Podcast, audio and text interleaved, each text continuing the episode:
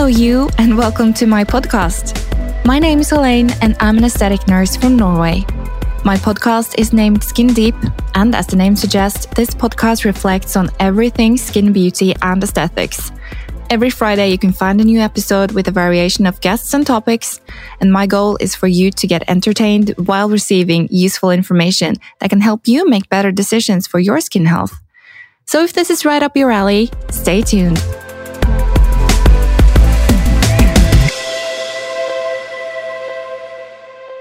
Hello, everyone, and welcome to another episode. Treatments focused on the eye region is in high demand, but what kind of treatment options are available and effective? To discuss this, I've invited an award winning aesthetic doctor from the UK, who is a global speaker, has his own teaching academy, and is a key opinion leader for Morpheus, Endolift, and Plexr. He sees more than 2,500 patients a year and has even developed and launched his own skincare brand, Cellderma. You've heard him on this podcast before, and it's an honor and a privilege to have you on my podcast again, Dr. Dev Patel. Welcome. Thank you. Thank you. And it's a pleasure being here with you again, Helena. Oh, it's an honor. Um, thank you for your time. I know you're a busy man, but um, you were the one I was thinking of um, when it comes to this type of concern because you see so many patients and you have so many tools in your like toolbox. So, um, what are the most common problems people report around their eyes? Um, so I, I, guess hearing them saying that they they feel they look tired around the eyes, uh, dark yeah. circles is a very common phrase people use, uh, probably followed by wrinkles and a complaint of loose skin under the eyes. Uh, also, hooding of the upper eyelids, uh, particularly ladies saying that you know they're like their makeup is smudging uh, because yeah. of the excess skin is a common complaint. Yeah, but um, what are like treatments? Let's start with the dark circles.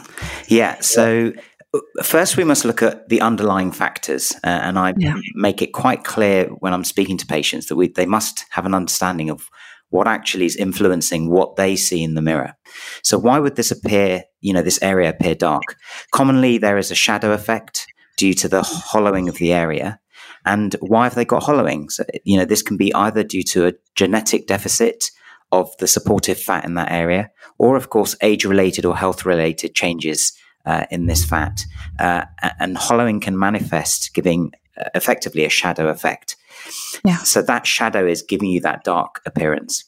Next, we almost certainly have some pigmentation due to sun damage. Uh, you show me someone who on a daily basis puts sunscreen under their eyes. Okay. Me. me. okay. And and there's other potential factors that contribute to pigmentation.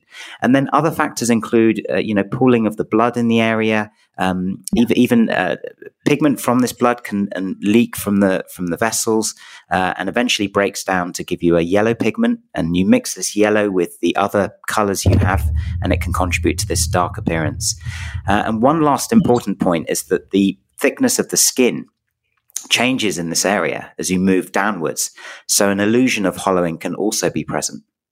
So yeah. when you throw all these factors in, yes, it may be dark circles, but one person may need uh, a different treatment strategy to the next person. Yeah, it's a quite complex area, and um, Indeed, yeah. a lot of patients don't know this. And um, the leaking of the blood, um, like the yellowing, that's yeah. new for me. Yeah, it's re- really interesting. Uh, yeah. But um, how about like the lines and wrinkles? That's a very common concern. It is, um, yeah. You know, Botox can do so much, but yeah, what what are your, what are your thoughts? Yeah, so um, you know, botulinum toxin um, is still, I think that you know the number one non-surgical uh, treatment in the world. You know, very popular, uh, overall very safe. Uh, and uh, there is this assumption, you know, lines and wrinkles drive people into a clinic asking for this treatment. Mm. But actually, for especially the under eye area, it, it, it's not really generally the go to treatment. It's not actually approved for under eye area use, although off label we can put tiny drops there. And actually, when people have the uh, what, what's called the crow's feet. I don't know if you use that phrase um, yeah, we do. Norway. Yeah. So um, the the area around the eyes, the three main injection points that we would actually treat to minimize um, the presence of the wrinkles and, and, really prevent deepening of the lines. That's the main benefit of, mm. botulinum toxin. Um, actually, what you can do is sometimes give a, a more of a, a, lined appearance under the eye because it's a circular muscle. And when you're relaxing it in one area, in another area, it can be working harder. Mm-hmm. And also, if one area looks smoother, the person's attention is going to be drawn to where there is still a- action of the muscle going on. So someone can actually even say that this this looks worse. And even if you do put a few drops there, again, this is off-label use, and mm. you get some temporary kind of tightness. It really is just temporary. And, and for me, trying to address the underlying issue and, and giving longer term solutions, I think is is really the way forward. So, um, you know, it, it's that skin laxity, it's that loose skin, um, yeah. and in fact, uh, just as we're on botulinum toxin, yeah. sometimes patients who have been with me for over a decade will say, "Oh, are you doing something different with your mix? It's not working as well." Look, I've still got these lines around my eyes, and I'm saying, "No, you know, you've aged. You know, yeah. you've aged. Yeah. Your, your skin has got looser, and so even with five, ten percent of muscle movement left." Because you've got that excess skin, when you smile, you're pushing that skin up and you're seeing those folds. If you imagine a 15 year old who doesn't have anything done, the muscles are working hard, but even when they smile, you don't see folds because the skin is so tight. So skin tightening for those lines and wrinkles, I think, is is really important. Yeah. So so what can you do for like skin laxity? What yeah. kind of options do we have? Um, so before I go to the list, you know me, there's never a short answer. I, I, again, this is how I like to explain it to patients that what are we trying to do? We're not cutting away skin. Okay. So obviously surgery is an option in some, some areas like the lower lid area, but surgery is literally just cutting away some excess skin. Mm. But what you leave, you still leave the same aged, damaged skin. Yeah. With non surgical options, what we're trying to do is actually reverse the architectural changes in the skin that, that time has, has, led to. So we're trying to improve the overall health of the of the skin and the tissues. Yeah. So how do we do this? Now we don't we don't um, actively repair regenerate beyond our child childhood years. So our growth factors, you know, I'm a big fan of growth factors. I'll probably have to mention growth factors at some point, but growth factor production really slows down and comes to a stop by our late teens. So the only time we go into a regenerative process is when we're injured. But actually, injury, again, when we heal, wound healing is really there for survival. You know, if I cut myself, mm. my body is just trying to heal the wound, stop the bleeding so I don't bleed to death. It doesn't really care whether there's a scar or whether it brings nice, good quality skin or whether the blood uh, vessels come back nicely so it's nice and pink and not whitish or, you know, off color. So that's just simple wound healing. And that's why I, I, mentioned the growth factors because actually one reason I use growth factors in anything I do is that actually they help help you regenerate, and regeneration is different. Yeah. Regeneration is about actually bringing back the normal healthy architecture of skin, blood vessels, etc. So what we're doing with these clever devices, which we're going to now come on to, is that you're introducing energy of some form yeah. to create controlled, effectively injury. Yeah to induce this very powerful process that your body has. If you cut yourself, you can heal. But hmm. actively, mm. we're not doing that normally. So we're inducing the body to go into this process. And by doing that, by doing that, going into that repair process, it's going to bring new collagen, new elastin, all these important proteins that give us that nice, supple, plump, firm, elastic, um, thicker skin of our youth that we lose as we age. Um, and so uh, two main treatments that I do in my clinic. There are lots of options which we can cover, but the two main things are using radio frequency, which is like a form of electrical energy, but different from the plug socket energy. And what it does is um, safely heat the, the skin and underlying tissues. And what is really big now globally is microneedle assisted radio frequency, where rather than just introducing it to the surface of the skin, to get it deeper, we use these micropins which go into the skin and then transfer the energy down to the tip of the pin. So effectively, you have these tiny little zones of injury around the tip of each pin, which induce this very powerful process of regeneration. Um, and and that's very very popular and gives fantastic results. But these are going to build over a year. You know, it's not immediate. Yeah.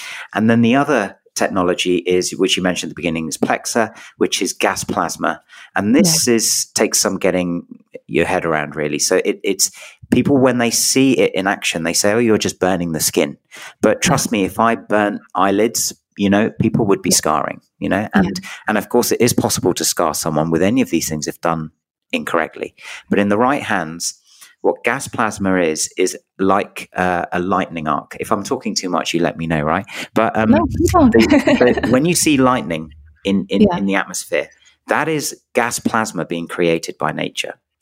And what I say to people is, imagine how powerful a lightning bolt is. It, it's you know, many many thousands of volts.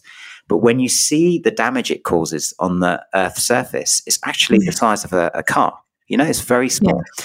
And that is the power of plasma. It's very, very, very precise. So you imagine you, you, have got a small little device, a fraction of a mm. lightning bolt.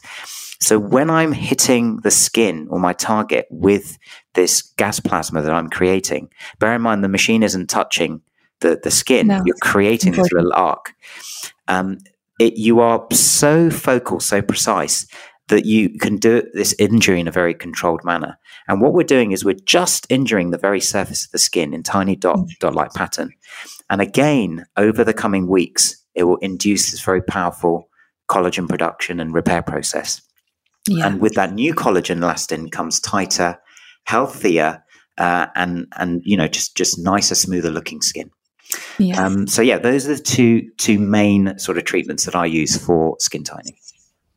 And uh, just to explain um, some more about the plasma, um, that's when you see like people having these um, dots, like brown dots, like around yeah. their eyes often, and um, when they fall off, you have like pink dots, and yes. it takes some time before it, does, it heals. It does, and that that's the only issue that I, I say. You know, most people who come to the clinic.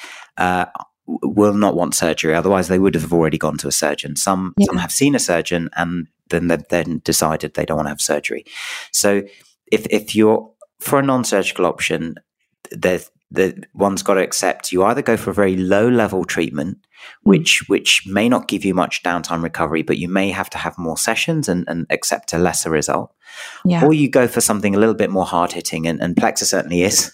But yeah. but the, the beauty of that gas plasma is it is still, I would say, the most powerful non-surgical tightening device I have, and I have um, many different lasers um, and, and, and other great devices.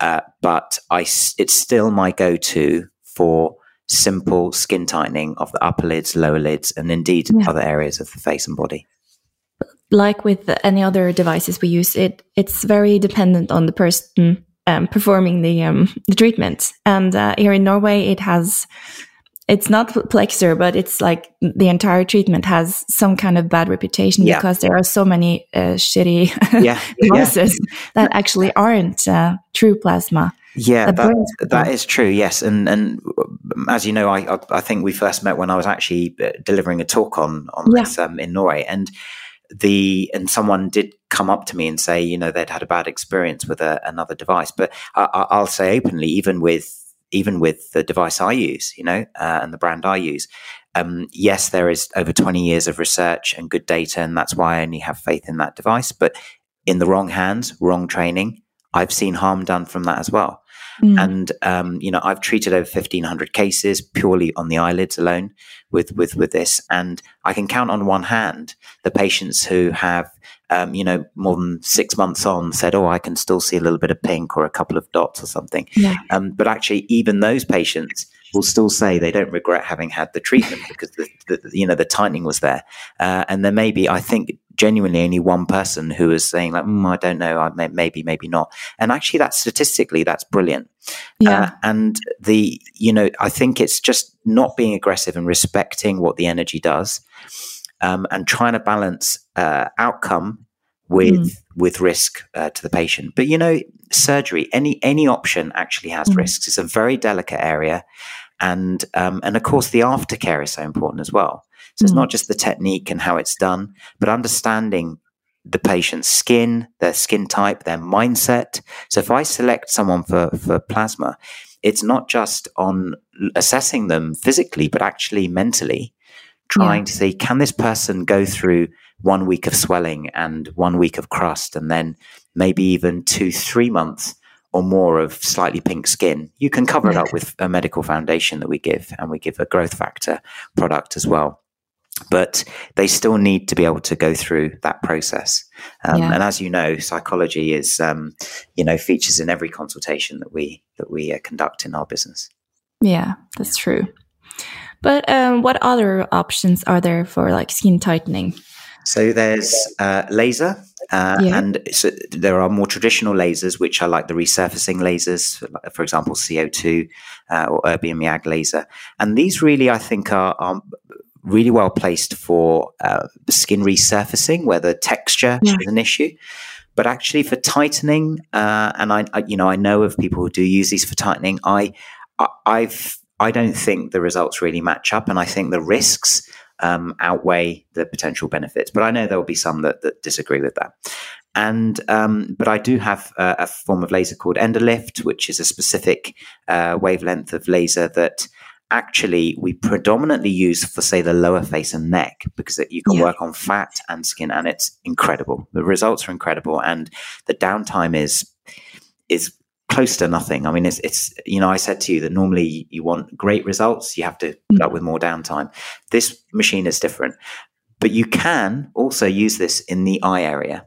Oh. Um, and, uh, but again, you have to be very careful because these devices are powerful and mm. uh, you know you can go a bit overkill. So I'm I'm still not doing a lot of cases with that in in in the upper face. Um, certainly for the upper lids, I still use gas plasma predominantly. Mm. If someone wants whole face skin tightening, then obviously something like radio frequency, microneedle assisted radio frequency, like Morpheus8, would be would be a good option.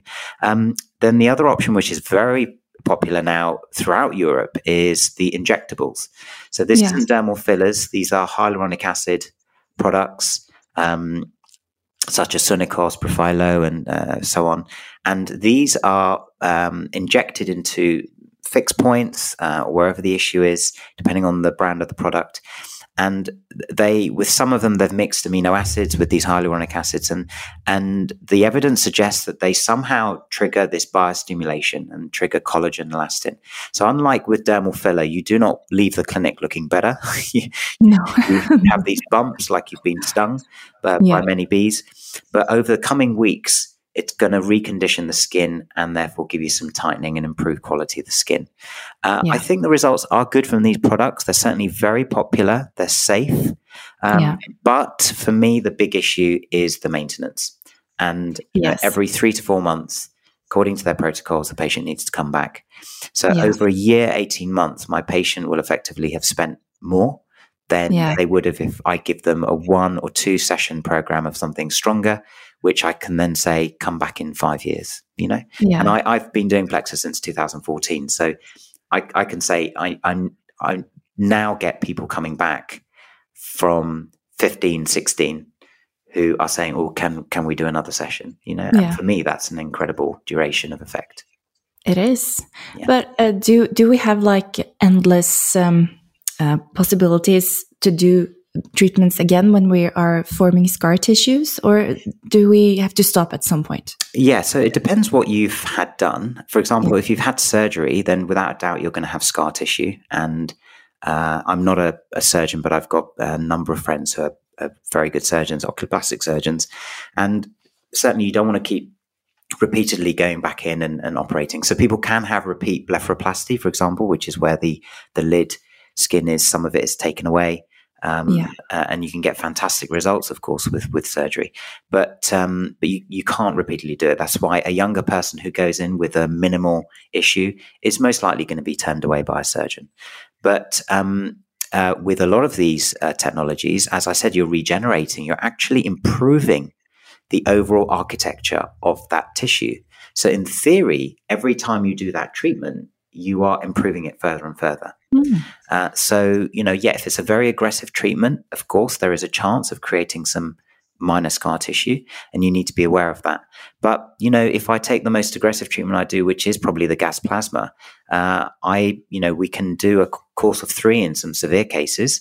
Um, mm. And then if that person came back even every you know four or five years and you just did a single session to maintain I, I wouldn't see any issue. It's been around long enough for us to not have seen any issue. And, and, and some of the studies are biopsy led studies. You know, there's proper science behind these studies to actually look at the, the tissue under a microscope and, and actually see what changes are we creating. Yeah.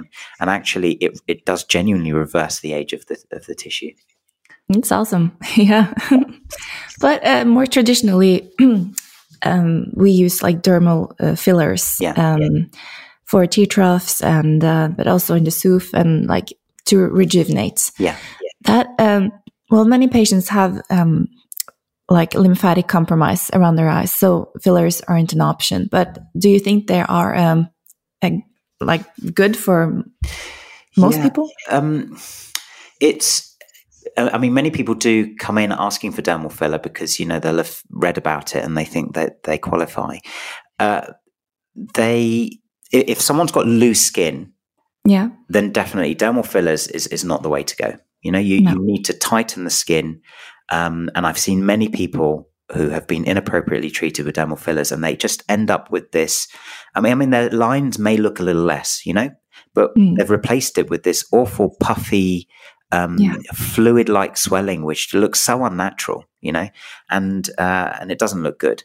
So where dermal fillers can help is where you have this volume deficit, where the fat, the changes in the fat pads under the yeah. eye and in the cheek, because of age or maybe even genetic deficit, that can often when you restore that really bring a lot of freshness and health back to the eye. So it can either be the tear trough or often you first if the cheek has any deficit you need to address the cheek first because if you even look in the mirror and you pull up your cheek you can mm. see the under eye area looks better and fresher.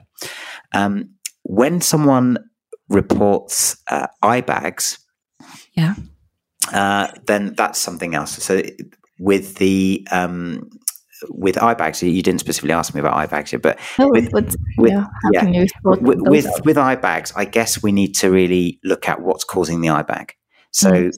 if is it skin, is it fat, is it fluid? Now, often yeah. there's a bit of everything. Typically, a bit of excess skin is going to come down. It's going to sit where gravity makes it sit. You know, we have ligaments, we have other um, uh, anatomical features which will stop it in, in a certain area. So that is giving you that bag. And then the fat can slip down and where the fat's sitting can also fill that bag. Yeah. Because of what's going on underneath, sometimes it is a case that if someone wants a decent result, they are going to have to see a surgeon because it's not just yeah. about skin. But if we actually want to address for many patients who perhaps would have benefited from seeing a surgeon, and where I have done dermal filler to actually just support that area, yeah it effectively gives the illusion of removing the eye bag. Now you haven't, you haven't done that. But by putting some support in, you have created a shift of where everything is sitting, thereby yeah. making it look like the air, um, the eye bag has been lessened. So, yeah. so for me, dermal fillers is certainly an option, but probably 50% of the time someone comes in and says, can I have dermal filler? They first need something else, you know, working on the skin in older patients. And really, dermal filler, in particularly in the tear trough, I tend to mainly do in my young to middle aged patients. Yeah. yeah. And how old is middle aged? I have to be careful here. I'll say younger middle age. So, it, I mean, really, we, we, often talk about age is just a number, and and and you know, you've seen young forty year olds, you've seen old forty year olds, you know, and yeah, yeah. the people who've roasted themselves in sun beds and on sun lounges, you know, they're they're, they're going to be 10, 20 years older than the next person who's looked after their skin. So, I, I would say it's, it's, it's difficult, but people in their twenties, thirties, forties. Mm. Uh, uh, and then once you're going into the sort of 50s up, mm. it's it, usually you're in a position where you need to work on the skin first. Yeah. You know? And I and I'm not saying you can't do dermal fillers, and I have I have done it, you know, years ago before I had all my kit. I have excellent photograph photographic results of patients in who I've done dermal fillers with nothing else being done first and phenomenal improvements, particularly with yeah. the eye bags. But if I had that patient come to me now, today, I would first be strongly encouraging them to work on their skin quality because yeah. dermal filler and the result of dermal filler is influenced by the quality of the skin overlying it. So the healthier the skin, the better the overall result. And actually, the less product you need. So it works out um, more cost effective in the long term. But um, speaking of skin skin quality, you we have to talk about eye cream. Yeah, yeah. like, is it? Does people need it, or can you just use a, normal moisturizer? Yeah, I mean, using something is generally better than using nothing. Yeah, you know? yeah. but um, I would 100% say that people should be using something under their eye.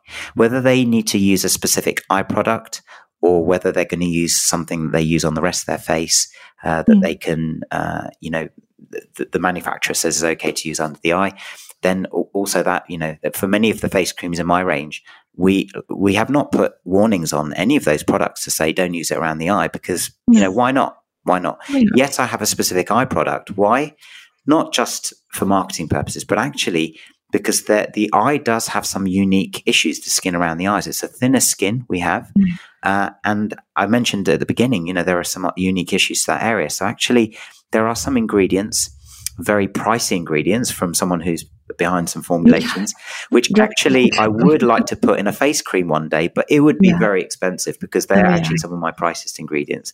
But what we what we want to do in the eye area is work on thickening the skin, you know, trying to mm. keep the skin as thick as possible, keep the collagen up, uh, working on pigmentation, which helps with the brightening effect. Um, so, how do we do this? There are specific ingredients that will help. And um, now listeners might be thinking, well, tell us, tell us what ingredient. Yes. I don't know, but you know, um, it, it's really the the usual ones I'm obviously going to mention. So, uh, you you know, growth factors I've already mentioned, and and I am a big fan of growth factors, but people need to be aware that there are a lot of um, uh, companies marketing growth factors, which really are plant derived stem cell growth factors, and actually how much cellular yeah. effect there is from one little plant cell culture that's put into the product is actually can be very minimal to zero. Um, but uh, growth factors are very good because they're effectively doing what your growth factors were doing when you were young uh, yeah. in helping to regenerate. Uh, peptides, so growth factors technically are peptides. Peptides are small proteins, but they're specific signaling or messenger peptides, which um, we we know speak to cells that make collagen elastin. So again, similar to growth factors, although growth factors have more a kind of a more widespread um, action that they trigger.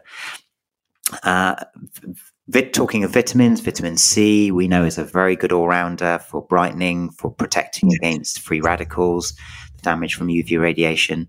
It helps with collagen uh, production. Uh, again, you have to be careful with vitamin C under the eye. Some people can get irritated, so don't go for a very strong formula if you're in doubt. Retinol or vitamin A, you know, and you know that I have a new generation of retinoid in my range, so we, have stopped using retinol in my clinic. Um, and actually, although it's very strong, I often, you know, I use it once a week around my eyes because actually it doesn't cause irritation like other products would. So that is amazing for that area. Uh, and then there are specific, lots of specific ingredients which I could go into. You know, our eye product has um, a couple of plant derived ingredients which work against um, sugar binding to collagen, which which render it stiff and therefore ineffective, uh, and something that also works uh, gives a very powerful anti-inflammatory effect. What do we do with our eyes? A lot, especially ladies wearing makeup. They wipe, they rub, stretch the skin. Yeah, yeah, exactly. And um, we we also rub our eyes if we're tired, if we're crying. And so the thinner skin on our face actually gets quite a brutal treatment from us without realizing. So w- we're causing we're, inflammation all the time. We're just triggering, mm. triggering more inflammation.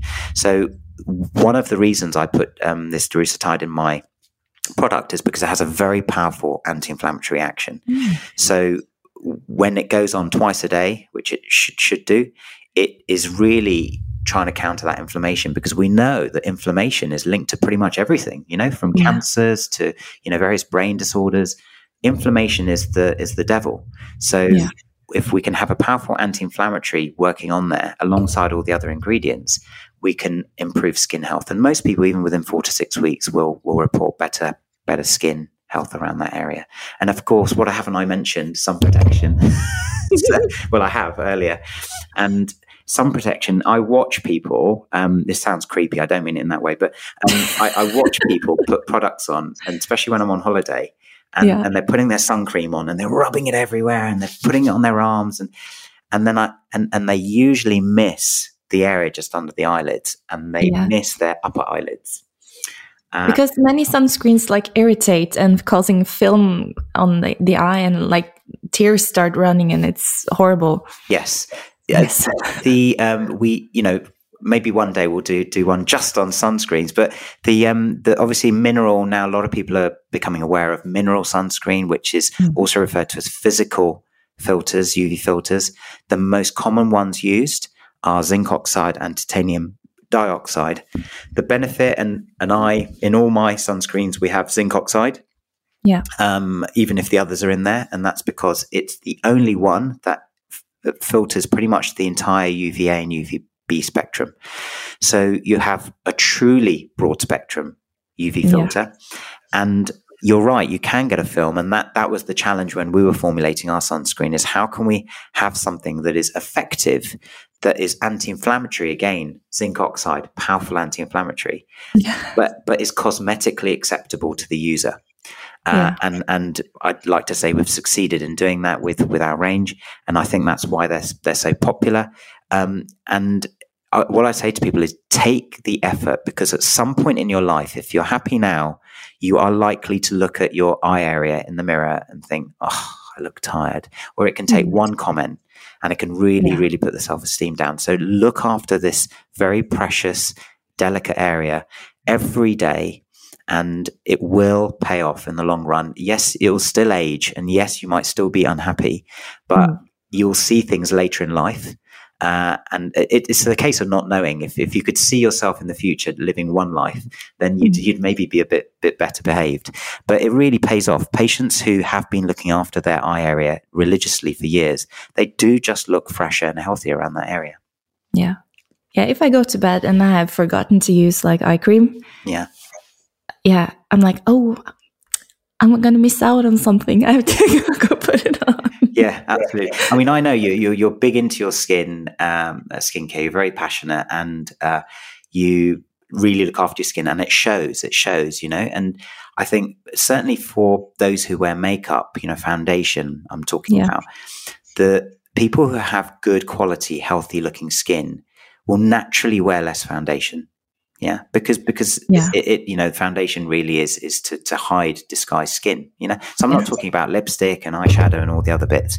Um, and I have patients who say to me, oh, I, I I never leave the house without my makeup, without my foundation. Yeah. And over time, as we treat their skin, I see when they come in, they're wearing less. Yeah. Some of them don't even realize that they're wearing less some will say, do you know what? I, I, actually don't mind leaving the house and even if I haven't put anything on. And for me, that is a success statement. You know, that's yeah. a real victory. But um, coming there often takes time. Yeah. Uh, like for me, it has taken like five years to get there um, with different treatments and lasers and taking care of my skin. I never left the house without makeup before, but I can do that now. Yeah. And it's, uh, wonderful. I mean, it's, you know, it, it, I call myself a confidence doctor sometimes, but not as in yeah. a con man, but as in uh, uh, giving people confidence, and yes. and that's what it is. It's it's um you know people's behavior changes in a positive way when when you can instill that that lost confidence back and mm-hmm. uh, and for me that's that's what makes it oh we're starting the new series of magic mirror moments um, oh, cool. uh, in nice. a week or two so look out for that uh, there, there's some lovely episodes in that, uh, really yeah. heartwarming episodes. But that's what it's about, isn't it? You, you you see it every day. I see it, and um, and and the skin speaks volumes to us, even for people who who think that they're not that bothered. Actually, when you improve their skin mm-hmm. quality, they they're, they're just happier. Yeah, it's a direct link to quality of life. I think actually. Yeah, yeah absolutely. Yeah. Oh, well, well, thank you very much, uh, Dr. Dev. Um, this was enlightening and interesting and everything. You are a true guru when it comes to all these things. thank you. Well, it's, it's a pleasure always. Um, I, I, didn't expect an invite so soon after the first appearance, um, but it's just a nice, it's a nice breakaway from, uh, from, you know, the clinic life. So thanks, yes. thanks again. And, um, yeah, I'm, uh, hopefully going to join you again in the future and we can have a discussion about something else to do with skin. Yes, we'll do a sunscreen episode, definitely. Right, right. okay. Have a good day then. Okay, Bye. Bye